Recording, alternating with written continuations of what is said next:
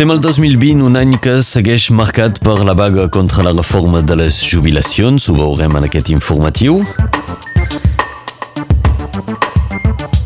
I a l'estat espanyol, aquest any 2020 començarà amb un ple al Congrés per investir Pedro Sánchez. Aquest ple ja té data, serà els dies 4, 5 i 7 de gener.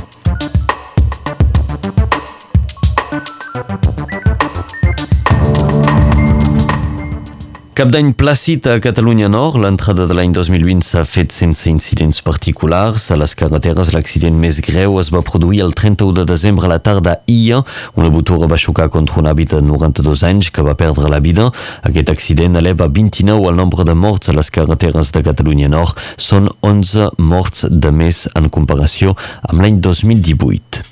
I l'any nou s'ha celebrat a les platges, com cada any centenars de persones es van llançar a l'aigua aquell primer dia de gener, 400 banyistes a Argelès, 200 del banc del Barcarès, però també a Canet o a Cervera de la Marenda.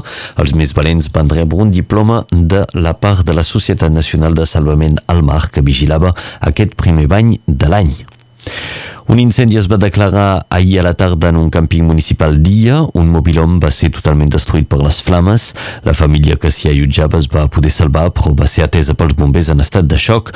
Una investigació policial és oberta per aclarir l'origen de les flames.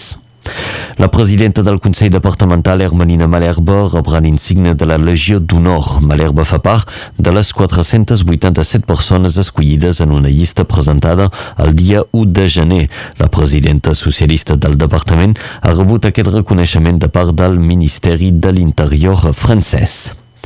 El secretari general de la CGT, Philippe Martínez, va fer ahir una crida per continuar la vaga contra la reforma de les jubilacions, una crida que va fer que, que ve a ser una resposta als anuncis fets per Emmanuel Macron en el seu discurs de cap d'any. El president francès es va reafirmar amb la voluntat de portar a terme la reforma de les jubilacions. Una nova jornada de mobilitzacions és prevista pel dia 9 de gener. Mentrestant, les vagues continuen. La SNCF anuncia per avui que circularan només un 50% dels trens sobre el conjunt de l'estat francès. A l'estat espanyol avui es confirmarà oficialment la data del ple del Congrés per investir Pedro Sánchez. Serà els dies 4, 5 i 7 de gener. Per tant, dissabte, tant Pedro Sánchez com el president, el, perdó, com els diferents grups del, del Congrés doncs, prendran la paraula. El diumenge es farà una primera votació durant la qual Sánchez segurament no obtindrà la majoria necessària. El Congrés farà una pausa el dia 6, dia de Reis, i reprendrà el dia 7 amb una segona votació en què Sánchez només la majoria simple per sortir investit president del govern espanyol. I el Consell Nacional d'Esquerra Republicana es reunirà avui per ratificar el pacte amb el PSOE, que inclou una taula de negociació entre governs i una consulta per validar els acords resultants. Aquest pacte ha provocat tensions al si del govern català. Fons de presidència de la Generalitat reclamen a Esquerra Republicana que deixi clar que l'acord és entre partits i no implica el govern. El president Quim Torra i el vicepresident i coordinador nacional d'ERC, Pere Aragonès, es reuniran avui al Palau de la Generalitat per aclarir la situació. L'any 2020 a nivell polític serà marcat per les eleccions municipals de l'estat francès, eleccions per les quals encara esteu a temps d'apuntar-vos a les llistes electorals. La data límit d'inscripció a les llistes ja no és fins al 31 de desembre, com era el cas fins ara, sinó que s'ha allargat el termini fins al 7 de febrer. Aquest canvi és fruit de la reforma electoral que va entrar en vigor l'any passat.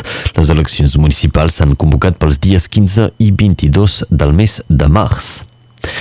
I aquest any nou ens porta canvis diversos. Destacarem el salari mínim que puja d'un 1,2%, se situa en 1.219 euros nets. Això representa un augment de 15 euros mensuals per un treballador pagat al SMIC. Les pensions de jubilació d'invalidesa pujaran d'un 1% seguint la base de la inflació del primer de gener. Canvi important també en l'àmbit de la salut per fer més segur l'ús del paracetamol i alguns antiinflamatoris com l'ibuprofen o l'aspirina. Alguns medicaments ja no seran en lliure accés a les farmàcies. I la Federació Internacional de Periodistes ha publicat el recompte anual de periodistes morts durant el seu treball durant aquest any 2019. En total són 49 periodistes assassinats mentre feien la seva feina. És una xifra que és la més baixa d'ençà de l'any 2000. L'any passat, per exemple, la xifra va ser de 95 periodistes morts. Mèxic encapçala la llista de països més perillosos per la premsa, amb 10 assassinats, tots treballaven en la investigació sobre la corrupció i organitzacions del narcotràfic.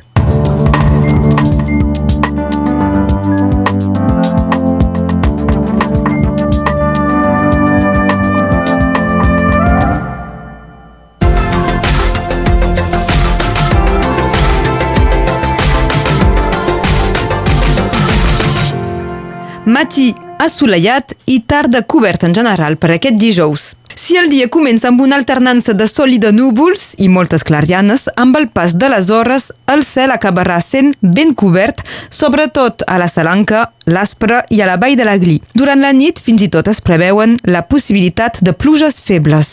El vent seguirà avui sent quasi inexistent.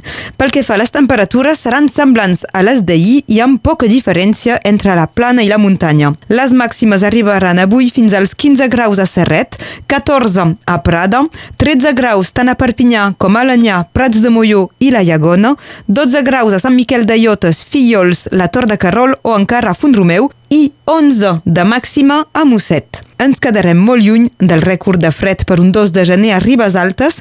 Va ser l'any 1905 amb una mínima de 6 sota 0 i una màxima de 2 graus negatius. Avui és l'aniversari de l'exfutbolista de Marsella, Basile Boli, fa 53 anys. El sol es pondrà a les 5 i 26 aquesta tarda, guanyarem un minut de llum del dia. I la frase que destaquem avui diu així Al gener, amb meier no facis via que gelarà el millor dia.